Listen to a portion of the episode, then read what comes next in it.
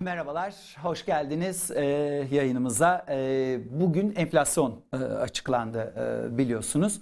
Ve enflasyonda işin kolay kısmı bitti. E, buraya kadar olan kısım işin kolay kısmıydı. E, baz etkisi dediğimiz şey nedeniyle işin kolay kısmıydı.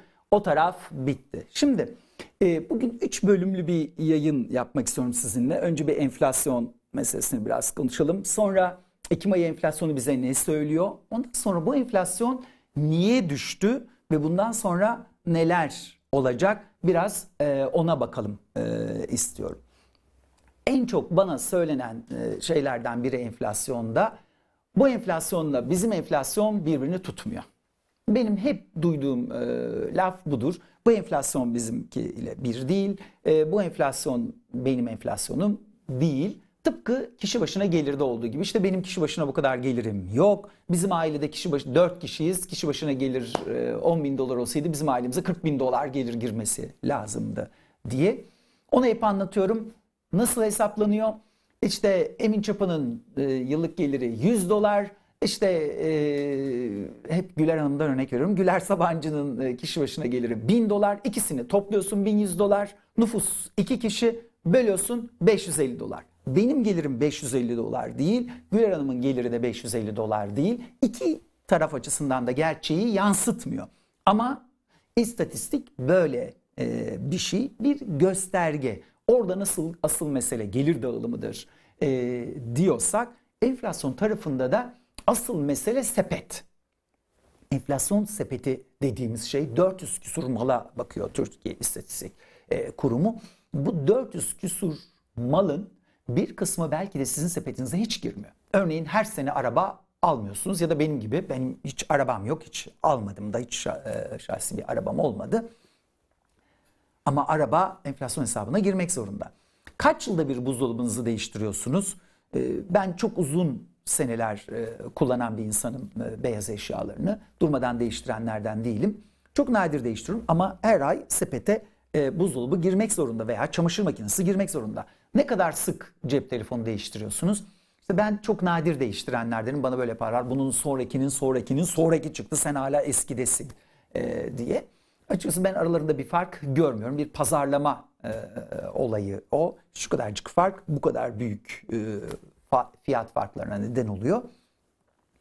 Ama o telefon şeyin içine giriyor. Enflasyon sepetinin içine giriyor. Bunun başka bir e, örneğini, önemli örneğini e, vereyim.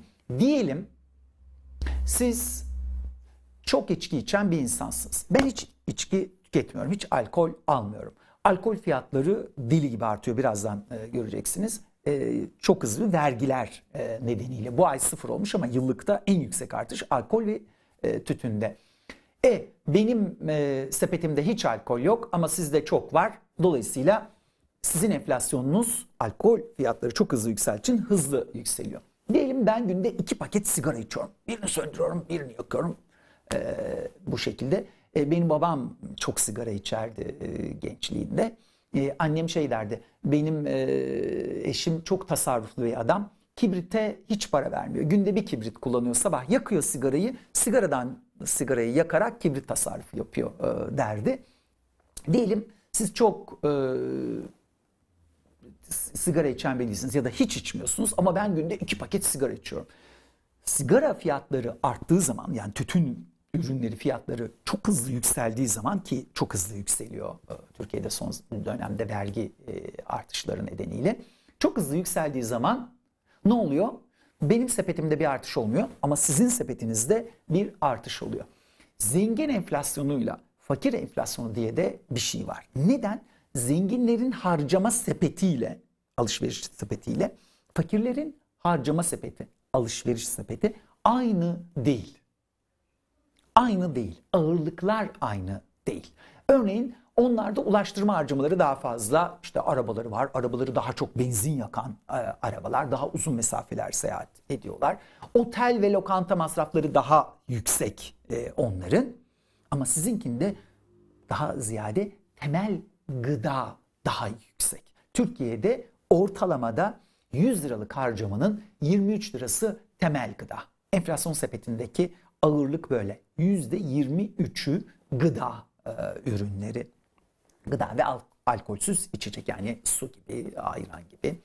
E, %23 ama bu yoksul hanelerde yani fakirlerde çok daha yüksek, zengin hanelerde çok daha düşük. Örneğin kira. Zenginin kiraya verdiği parayla fakirin kiraya verdiği para arasında büyük fark var. Ama onun parası çok olduğu için eğer evi yoksa kirada oturuyorsa çok olduğu için bütçesinde daha yüksek 5 kat, 6 kat, 7 kat belki 10 kat bile daha fazla kira ödemiş olsa onun sepetindeki yüzdesel oranı daha düşük. Yoksulun ki daha az da olsa parası, geliri düşük olduğu için sepetindeki yani harcamalarındaki payı daha yüksek. Bu yüzden genel olarak enflasyona bakıldığında enflasyon bir ortalama sepet oluyor. Ve Türkiye İstatistik Kurumu normalde işte gidiyor hane halklarıyla bir çalışma yapıyor. Yılda bir bunu yeniliyor. Diyor işte haneler artık şunu şunu yap harcamıyorlar. Eskidi bu artık yok sepette. Onun yerine şunlara para harcamaya başlamışlar. Bütçelerinde şu kadarını ayırmışlar diye Türkiye'nin 5 gelir grubunu en fakir, en fakirin bir üstü, orta gelir, ortanın bir üstü ve en üst gelir grubunun harcama sepetlerine bakıyor. Bunların Türkiye'deki e, dağılımına bakıyor ve ona göre de işte takip edilecek malları belirliyor Türkiye İstatistik Kurumu. Dünyanın her yerinde de bilimsel olarak bu böyle yapılıyor. Fakat son dönemde hepimiz şikayet ediyoruz. Bu enflasyon böyle değil, bu enflasyon böyle değil. Aynı şey büyümede de e, şikayet ediyoruz. Kişi başına gelirde de ediyoruz. Bunlarla oynanıyor, bunlarla manipülatif olarak oynanıyor e, diyoruz.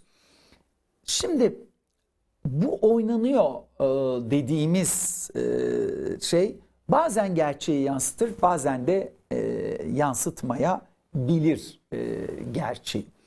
Onu 3 aşağı 5 yukarı biz böyle bakıyoruz, e, hesaplamaya çalışıyoruz. Acaba ne kadar oynanmış e, olabilir, ne kadar oynanmış olmayabilir e, diye. Geçenlerde yayında size bir teknikten bahsetmiştim. Bu rakamlarla nasıl e, oynanıyor olabilir e, diye. E, ve e, işte birisi altına yazmış. E, sen de bunun söylediğinin doğru olmadığını biliyorsun falan filan e, diye. Ben şimdi size onu da son bölümde biraz anlatacağım. Dostlarım,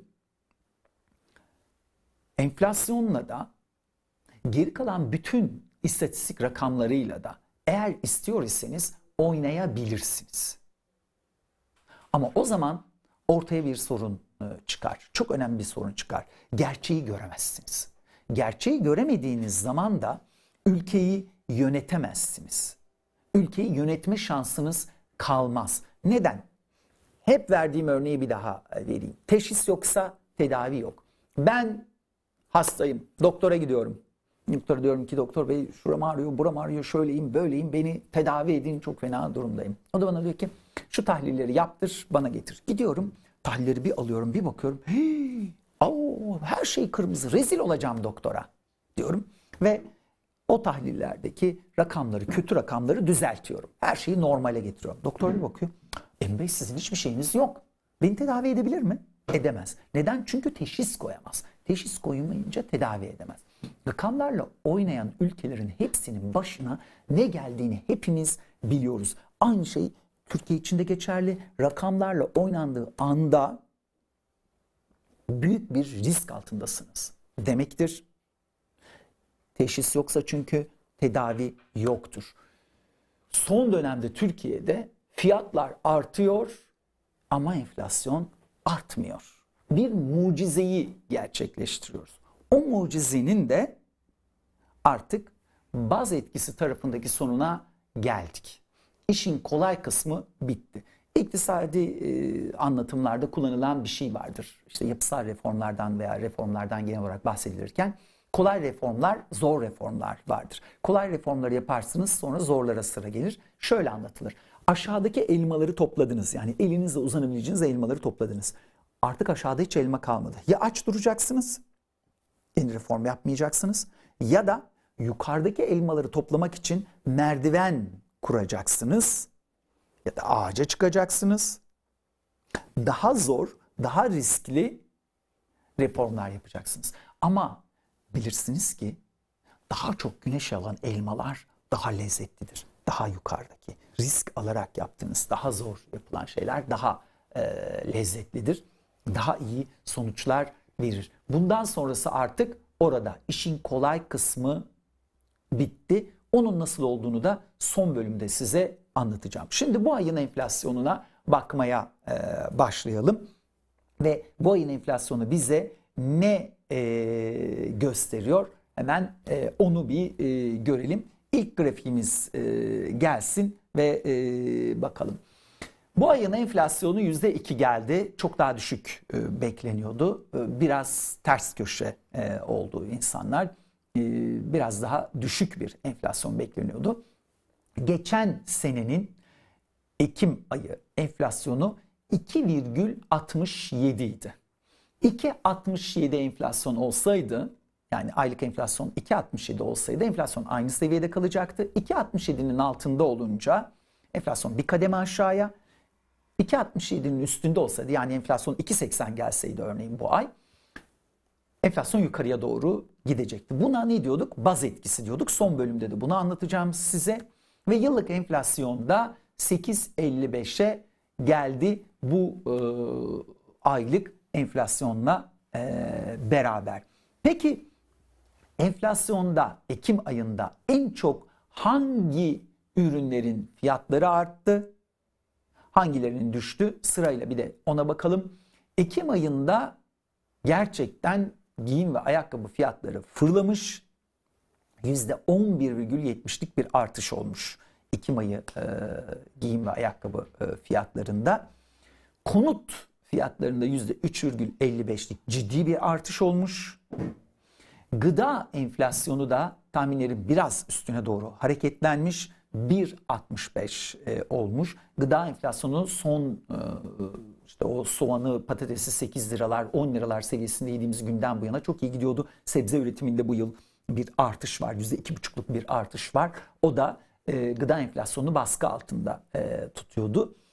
Ama bu ay itibariyle %1,65'lik ciddi bir artış olduğunu görüyoruz. En yüksek 3 kalem aylık olarak Ekim ayı itibariyle en yüksek 3 e, kalem bunlar. Peki en büyük düşüş veya en az artış nerede e, gerçekleşmiş? Bir kalemde düşüş e, olmuş. Ekim'de en az artış.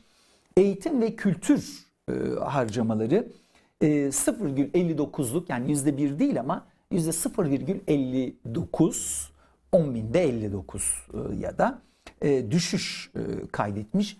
Ekim ayında alkol ve tütün fiyatlarında herhangi bir düşüş ya da artış yaşanmamış 0-0 e, olmuş. Çünkü bir önceki ayda ve son 12 aylık dönemde ciddi artışlar var. Birazdan yıllıkta onu göreceksiniz.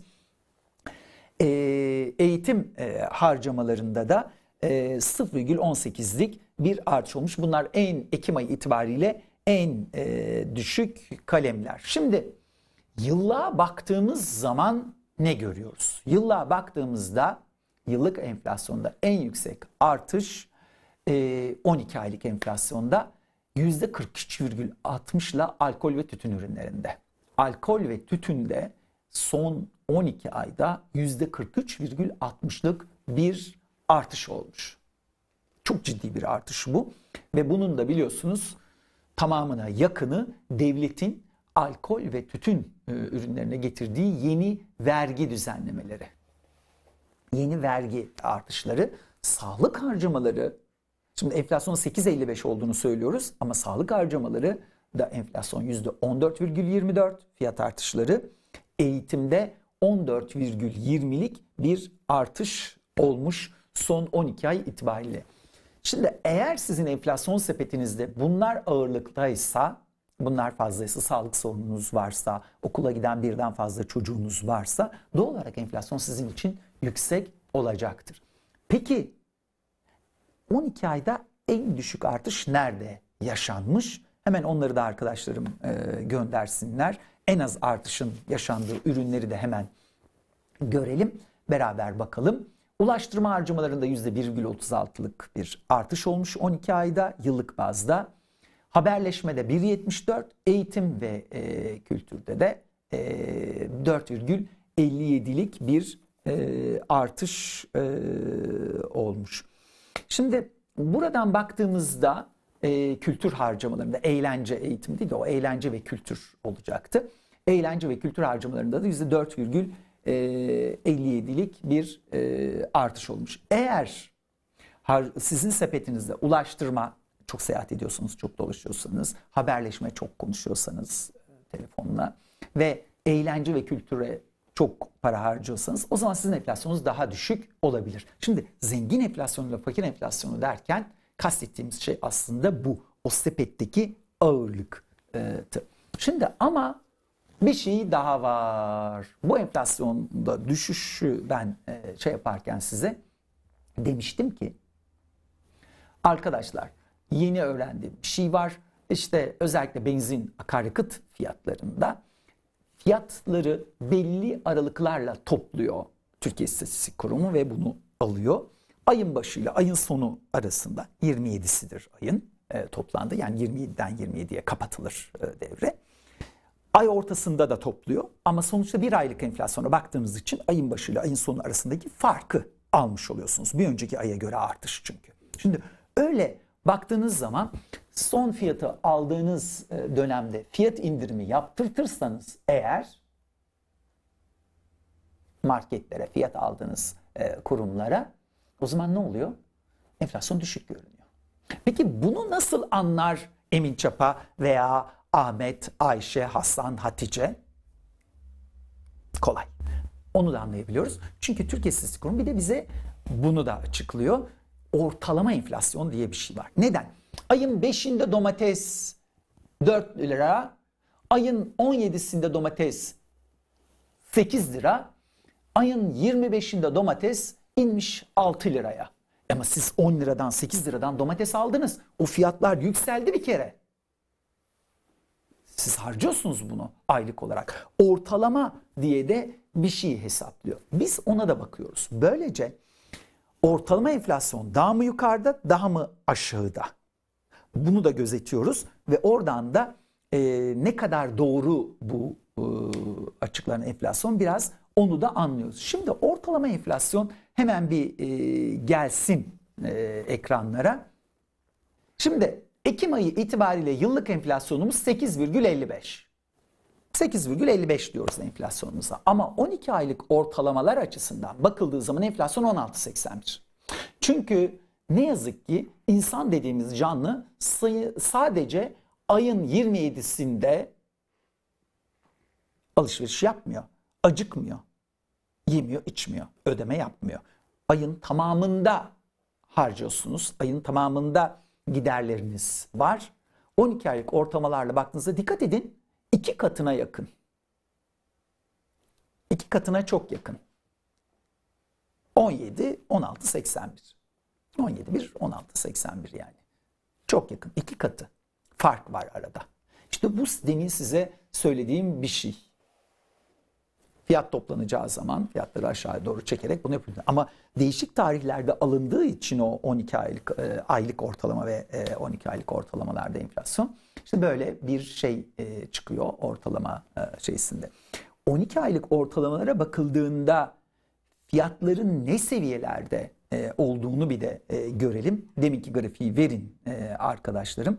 Şimdi ben size buradan hemen şunu söyleyeceğim. Gıda enflasyonu son e, 12 ayda 7,85 e, artmış. 7,85.